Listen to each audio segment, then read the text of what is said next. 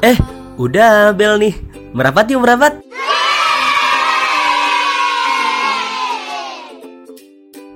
Oke, halo. Balik lagi bersama saya, Maruf El Munir dalam podcast Pikir-Pikir Lagi. Jadi, untuk teman-teman yang baru saja bergabung dengan podcast Pikir-Pikir Lagi, podcast ini adalah podcast yang banyak membahas tentang kepemudaan, pengembangan diri, psikologi, dan juga kesehatan mental. Episode 31 Pentingnya support system Hari ini gue mau mencoba membahas tentang pentingnya support system Dari sudut pandang yang gue dapatkan dari acara yang gue ikutin Atau mungkin acara yang gue menjadi moderator dalamnya Yaitu dari Dr. Andreas dan Dr. Jimmy jadi dua orang ini adalah sumber pengetahuan-pengetahuan baru gue kaitan tentang how to be a good support system yang kemarin diadakan oleh sebuah komunitas namanya I Smile for You. Nah, tentu kalian pasti penasaran ya. Makanya simak selengkapnya ya. Langsung aja kita mulai. Tiga, dua, dan satu.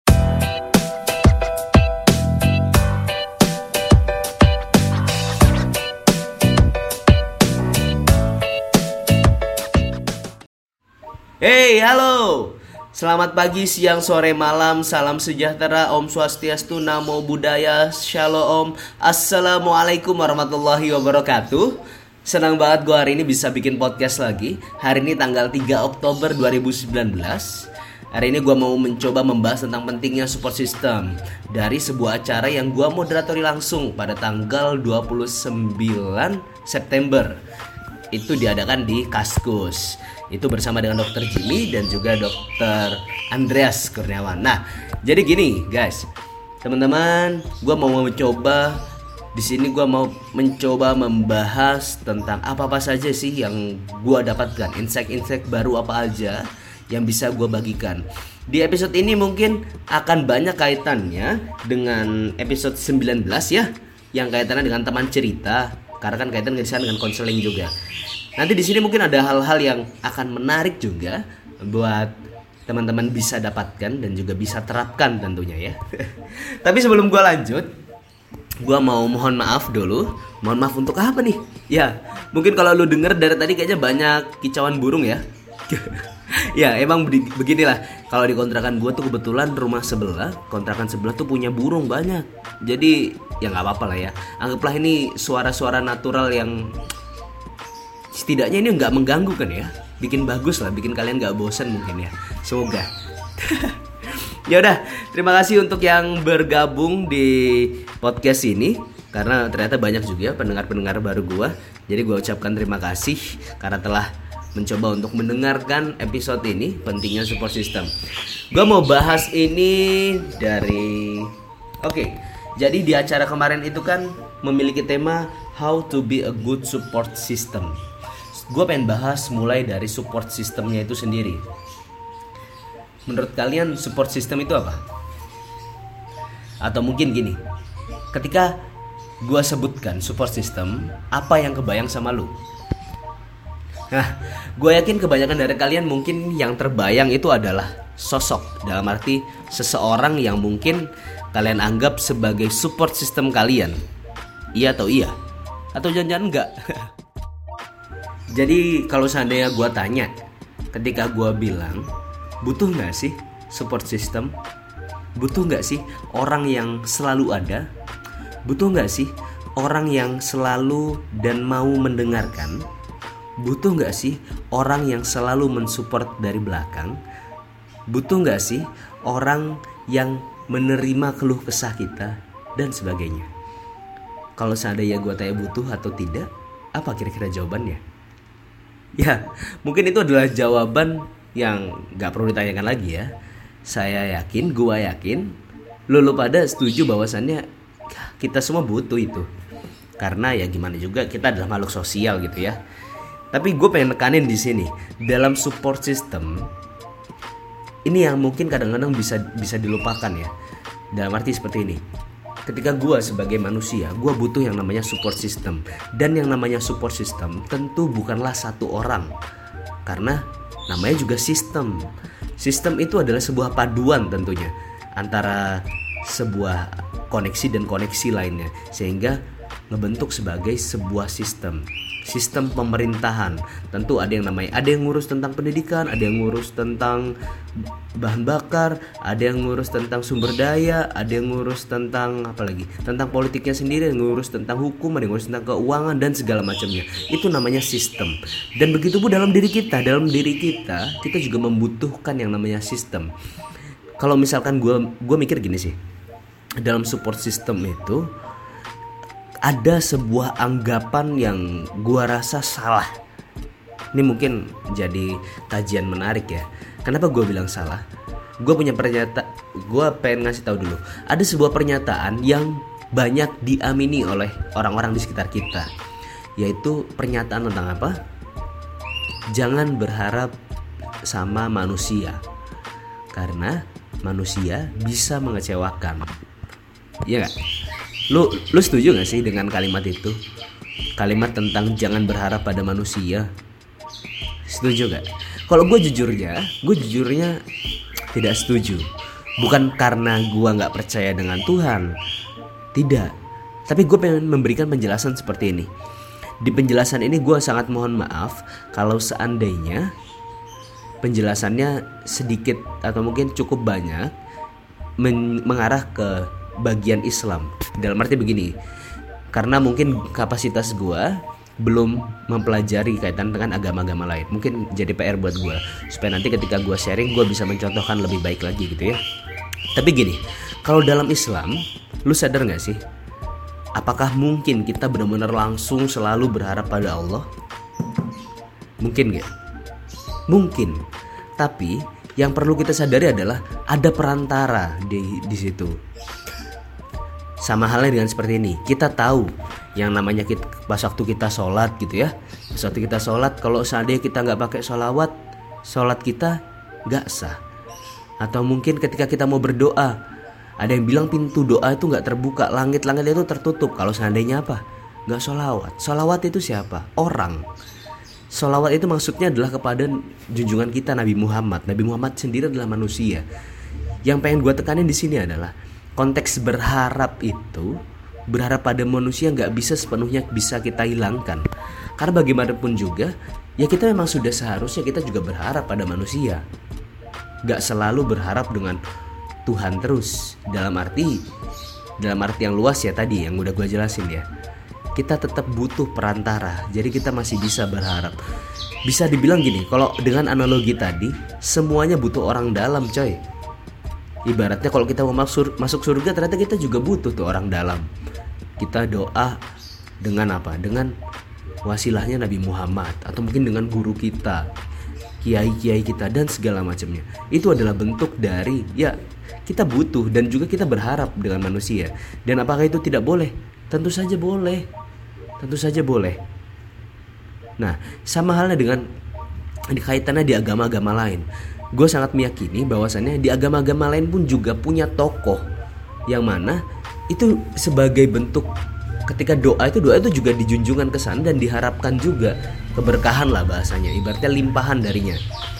Tanpa ya itu mungkin guanya kekurangan gue adalah gue mungkin belum terlalu banyak memahami tentang agama lain. Akhirnya gue susah memberikan contoh hal ini ya. Tapi setidaknya teman-teman yang muslim mungkin paham kaitan ini. Itu adalah pendapat gue dan juga pendapat yang mana sebenarnya gue dapatkan dari guru-guru gue juga sih pandangan tadi. Nah itu adalah sebuah hal di mana ya kita butuh berharap dengan manusia. Coba deh lu lu sekarang gini deh. Kalau seandainya lu sama sekali nggak berharap dengan manusia gitu ya gue mungkin bisa bilang buset sombong banget lu. Emang lu siapa? Nggak berharap sama manusia. Anggaplah gini manusia tuh serba lemah coy Kenapa gue bilang gitu? Coba deh, ada nggak sih di sini kalau misalnya udah kebelet BAB gitu, terus bisa nahan satu jam, dua jam, tiga jam, ada nggak? Kita nahan BAB aja nggak kuat coy. Ngapain lagi lu berharap apa? Kamu kadang-kadang gini, ini yang agak ekstrim ya ekstrim ini sorry agak agak geser topik sedikit tapi ini kayaknya penting untuk gue sampaikan gue itu sekarang jujurnya adalah orang yang gak terlalu mikirin masa depan. Karena apa? gue ekstrimnya gue kadang-kadang berpikir buset sombong banget gue udah mikirin masa depan. Besok hidup aja belum tentu. Nah itu adalah ya itulah itu adalah titik di mana gue menyadari hal-hal berbagai macam hal lah ya. Mungkin kalau kaitan dengan ini nanti kapan-kapan gue bahas di episode lain deh. Karena mungkin sebelumnya gue padahal udah ngebahas tentang resolusi dan goal setting. Ya itu di awal tahun kemarin. Karena ternyata menjelang setengah tahun ini gue mendapatkan insight baru yang ternyata inilah yang gue dapat dan ini yang saat ini gue pegang. Ini sekedar pengetahuan aja. Nah balik lagi ke topik awal kaitan dengan butuhkah kita atau mungkin how to be a good support system pentingnya support system. Pentingnya support system ini adalah sebuah atau mungkin sesuatu yang memang harus kita miliki. Kenapa seperti itu balik ke tadi gak ada orang yang bisa benar-benar berdiri sendiri. Gak ada yang namanya bayi itu ketika belajar berjalan itu gak dituntun dulu. Gak ada. Atau jangan-jangan lu bisa. Kalau bisa nanti infoin ke gue tapi inilah yang gue yakini bahwasannya kita butuh yang namanya support system. Gak cuma dari ranah-ranah seperti fisik dan segala macamnya. Nah kaitannya dengan mental begitu pun juga kita tuh sebagai sosok yang lemah sebagai manusia yang lemah sebagai orang-orang yang ya jujurnya ada sebuah buku itu. Ini kaitan dengan itu. Uh, kalau nggak salah judulnya bahasa bahasa Indonesia itu dibalik pria berotot apa ya? Apa? Iya kaitan tentang itu dah. Ini tentang ya sekuat kuatnya manusia ya dia juga punya hati. Setiap orang yang punya hati tentu dia juga bisa baper. Baper dalam arti yang tadi gue bilang kaitan dengan kesehatan mental gitu ya. Atau mungkin beban-beban hidup yang dirasa berat. Pasti dia juga pernah nangis lah ibaratnya kayak gitu. Nah gue pengen bahas lagi di sini itu kan banyak hal sebenarnya yang gue dapatkan dari obrolan gue dengan dokter Andreas dan juga dokter Jimmy ketika kemarin di acara itu. Salah satunya adalah ketika kita menjadi support system atau mungkin saat kita butuh support system kita punya dulu yang namanya kemampuan untuk mendengar. Apalagi saat kita menjadi support system buat orang lain gitu ya. Saat kita menjadi support system buat orang lain. Kita harus miliki dulu namanya kemampuan mendengar. Dengan mendengar kita berharap bahwa bahwa kita bisa mengerti. Saat kita mengerti baru kita memberikan respon. Dan ingat responnya juga harus tepat karena nggak setiap permasalahan yang diceritakan oleh orang itu membutuhkan nasihat kadang-kadang ada yang butuh disetujui saja ada yang butuh diiyakan saja, ada yang butuh diperkuat dan macam-macam halnya lah. Jadi kalau seandainya dalam mendengar cerita orang, setidaknya ada dua hal yang bisa kita lakukan. Kita bisa memvalidasinya atau mungkin ada judgement di dalamnya. Nah, yang paling harus kita hindari adalah judgementnya. Bagaimana kita tidak menjudge dirinya. Sama halnya kayak yang dulu gue pernah bahas. Ada orang cerita ke kita gitu ya. Eh, Ruf, gue kok bagi banyak masalah ya. Gue ngerasa hidup gue berat banget gue diuji dengan di keluarga gue diginiin di tempat kerja diginiin di tempat di tem sama teman-teman gue diginiin sampai akhirnya misalkan gue memberikan nasihat wah jangan-jangan lu kurang sholat aja kali. Nah itu secara tidak langsung itu adalah bentuk dari judgement. Karena apa? Karena saat gue mengatakan hal yang seperti itu sama halnya dengan gue bilang ke orang itu, woi lu tuh kurang sholat, lu sholat gih. Di sana ada judgement ada penilaian akan sesuatu sama halnya dengan kalau seandainya ada orang cerita terus bilang ya elah gitu doang. Lemah banget sih. Masa gitu doang nangis? Itu adalah sebuah judgement. Karena apa? Yang perlu kita sadari adalah kita mendengar itu untuk mengerti. Kita sadari dulu. Kita mengerti oh memang masalah ini mungkin berat buat kamu. Itu yang harus kita sadari dalam diri kita. Ini ini menjadi menarik banget sih. Maksud gue gini begitupun juga ini sedikit gue bahas lengkap-lengkap gitu ya.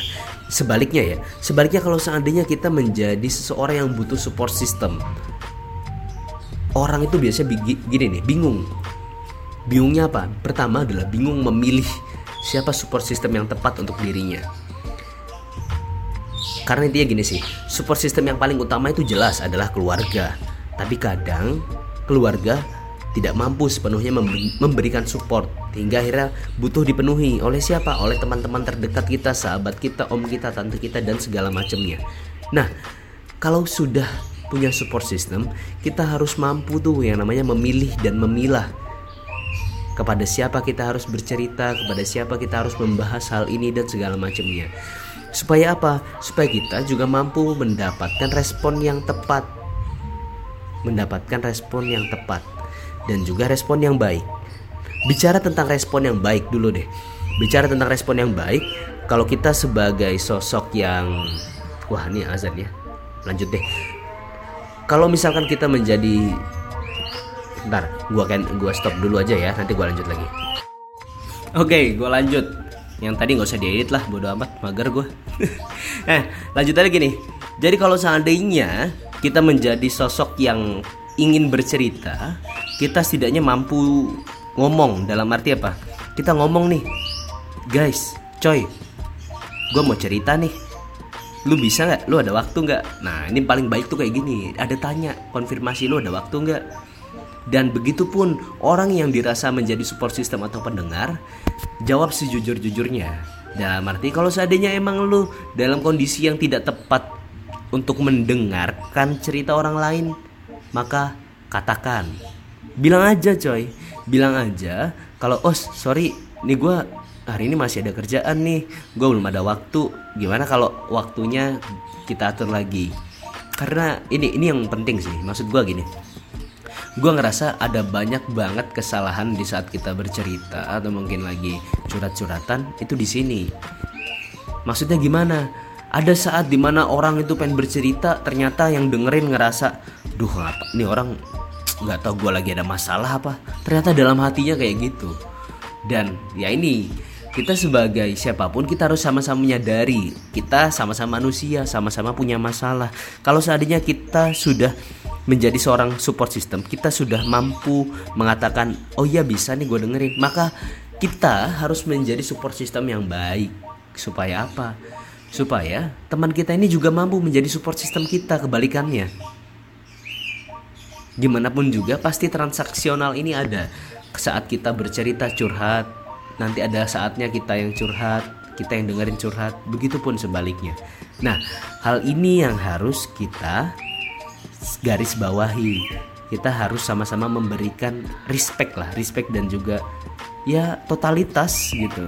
Nggak sekedar cuma asal dengerin terus tiba-tiba heh terus terus terus ah nabrak dah terus terus nah terus gue pengen bahas lagi dari sisi ini ya nih banyak orang ketika mau bercerita itu sering mikir eh cuy gue mau cerita nih tapi jujur gue bingung mau mulai dari mana ya Nah, ini ini pertanyaan yang paling sering banget nih, umum banget.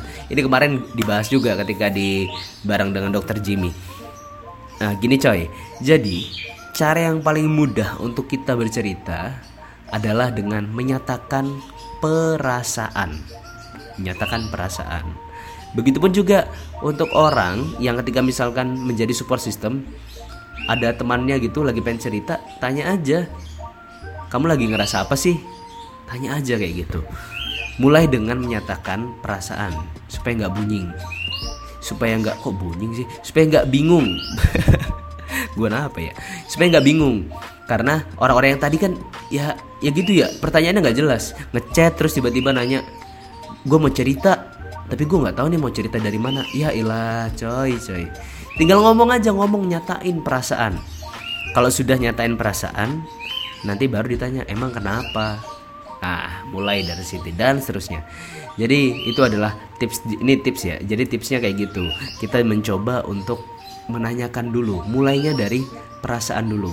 Kalau lu cerita mulai dari perasaannya dulu yang kan. Eh bro, gue lagi sedih nih. Nah itu baru cerita. Eh cuy, gue lagi galau nih. Itu itu adalah hal yang paling baik gitu ya.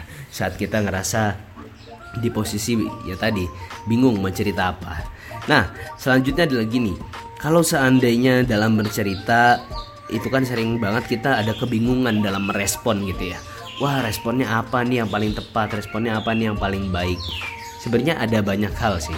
Ada banyak hal yang bisa dilakukan. Tapi tips paling praktisnya adalah saat kita mendengarkan cerita, garis bawah ya, mendengarkan cerita, kita berikan respon yang paling mudah adalah oh gitu terus nah ini ini adalah dua kata yang gue dapatkan dari dokter Andreas ya kemarin ya dia dia sampai bilang ya cuma kalimat ini yang ngebuat gue bisa hidup. Dalam arti ya memang dengan kalimat itu dia dibayar gitu loh sama orang lain. Oh gitu terus? Jadi biarkan orang bercerita sepenuhnya dulu seutuhnya. Sampai akhirnya kalau emang minta pendapat biarkan itu dinyatakan sendiri oleh si yang bercerita. Gitu ya. Nah ini masih banyak sih ya jujurnya nih sebenarnya catatan gue hilang kemarin. Jadi gue lagi inget-inget apa aja apa aja apa aja gitu ya. Jadi lompat-lompat nggak masalah sih. Nah terus saat kita mendengarkan cerita dari orang lain ada hal yang perlu dihindari. Hal yang perlu dihindari adalah sebenarnya ada banyak hal tapi yang gue catat paling utama adalah dua. Pertama adalah jangan sampai rebutan spotlight rebutan spotlight. Rebutan spotlight itu kayak gimana sih? Rebutan spotlight itu contohnya gini. Gue lagi bercerita, eh cuy, gue lagi punya masalah nih berat banget. Masa kemarin motor gue abis jatuh, terus rusak bagian tangkinya, kena hama kenal potnya juga. Misalkan kayak gitu. Terus lu sebagai yang dengerin, terus gue bilang, wah kayak gimana emang? Ya elah gitu doang. Orang gue juga pernah nyampe stangnya bengkok, bannya masuk ke dalam. Nah, ini adalah bentuk rebutan spotlight. Yang mana sebenarnya yang menjadi tokoh utama sebagai orang yang pengen bercerita itu kan adalah teman kita, tapi kita merebut spotlight. Ah parahan gue lah, ah enggak lah parahan gue kali. Ini adalah rebutan spotlight. Ini ini udah biasa kali ya orang-orang kita sering kayak gini, apalagi kalau kayak ya tau lah nggak perlu dijelasin. Ini sering banget terjadi di sekitar kita.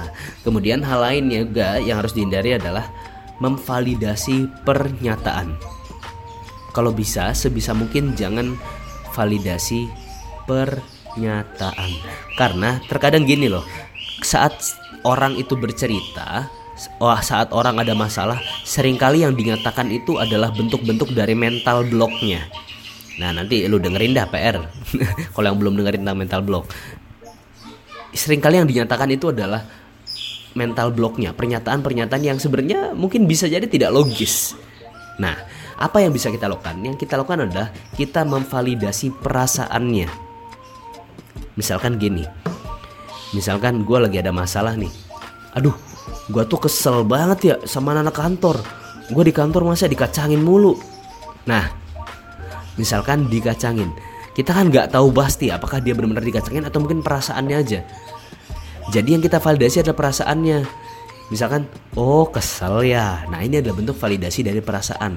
Bukan berarti dikacanginnya. Jangan nyampe kita, oh lu dikacangin, dikacangin gimana emang? Ya gimana sih masa lu dikacangin? Nah itu adalah bentuk validasi pernyataan. Beda ya. Jadi yang harus dilakukan adalah memvalidasi perasaannya, bukan validasi pernyataannya. Nah, itu yang menjadi titik inti dari kita saat misalkan kita bercerita mungkin mendengarkan cerita. Uh udah lumayan lama juga gue bahas ini. Uh, lanjut lagi ya. Ada pembahasan menarik lagi kemarin. Ini gue poin by poin aja yang gue jelasin dari ya catatan gue karena memang abstrak gitu ya. Nggak jelas. Ada dua perbedaan gitu ya antara laki-laki dan perempuan maksudnya ada perbedaan antara laki-laki dan perempuan kaitannya tentang bercerita atau mungkin membuka diri ya di gini Ntar komat ya, tunggu sebentar aja. Oh. Nah, jadi gini coy. Gue lanjut ya, pelan-pelan. Gak fokus gue ternyata kalau lagi ada azan komat gitu. Gak apa-apa lah lu sambil dengerin komat.